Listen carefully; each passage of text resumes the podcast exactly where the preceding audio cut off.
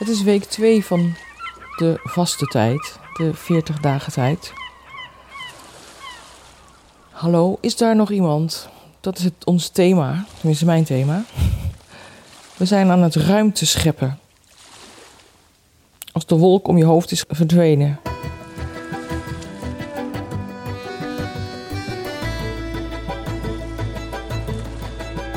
Podcast De Verwondering.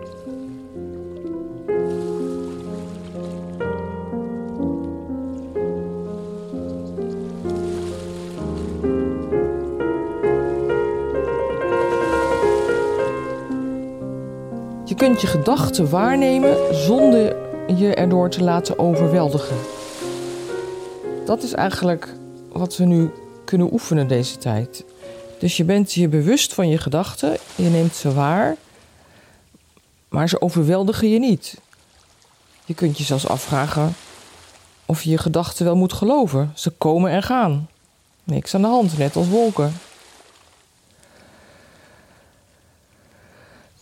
Vorige keer had ik het over dat we dingen kunnen nalaten. Hè? Dat doen mensen in de vaste tijd. Even dingen opgeven.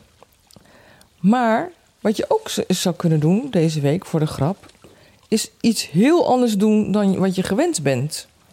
Want we zitten natuurlijk vol routines. Het schijnt al te helpen in onze hersens als je bijvoorbeeld eens een keer iets oppakt met je linkerhand in plaats van met je rechterhand. Serieus. Over hersens gesproken. Er is natuurlijk een hersenprofessor, die heet Erik Scherder. Die waarschuwt ons altijd tijdens de feestdagen dat kinderen geen alcohol moeten drinken. Want er gebeurt er van alles met dat kinderbrein.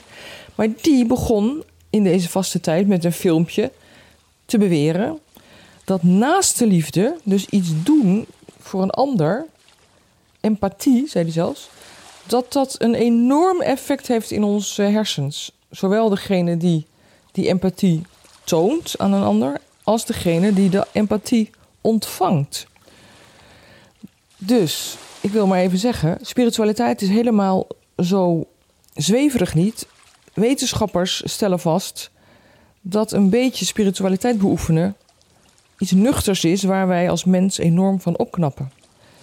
Dus vrijgevigheid doet ontzettend goed voor iedereen. En dat geldt ook zelfs voor iets simpels als de glimlach. Dat zegt Erik Scherder ook. Misschien heb je het wel eens geprobeerd. Als je een nare stemming hebt en je krult je lippen gewoon eens omhoog een tijdje. Verbijsterend. Hoe goed je je dan gaat voelen. Laat staan de mensen op straat, die ook weer eens een glimlach zien. Met andere woorden, deze week moet je eens proberen iets toe te voegen, iets nieuws te doen. Gul te zijn, gretig, nieuwsgierig.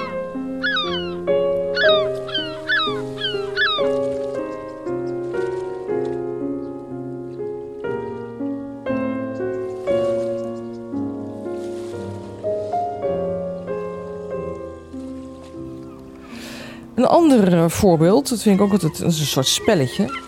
Stel dat er een beetje geroddeld wordt om je heen over een collega. En iedereen doet daar zo terloops aan mee dat je het bijna niet meer door hebt.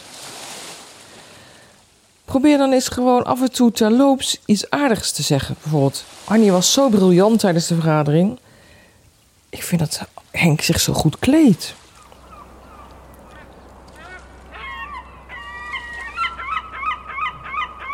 Als je zelf veel negatieve dingen denkt, bijvoorbeeld, wat een afgrijzelijk iemand, dat je er achteraan denkt, net als ik.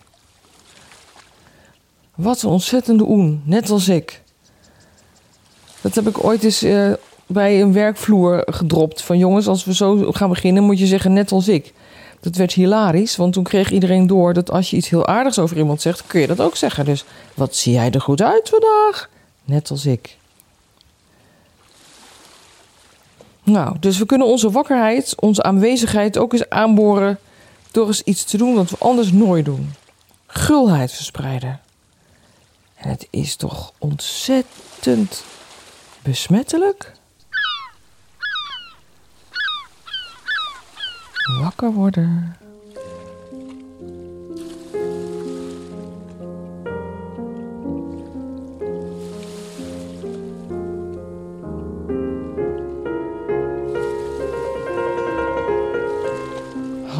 Is er iemand.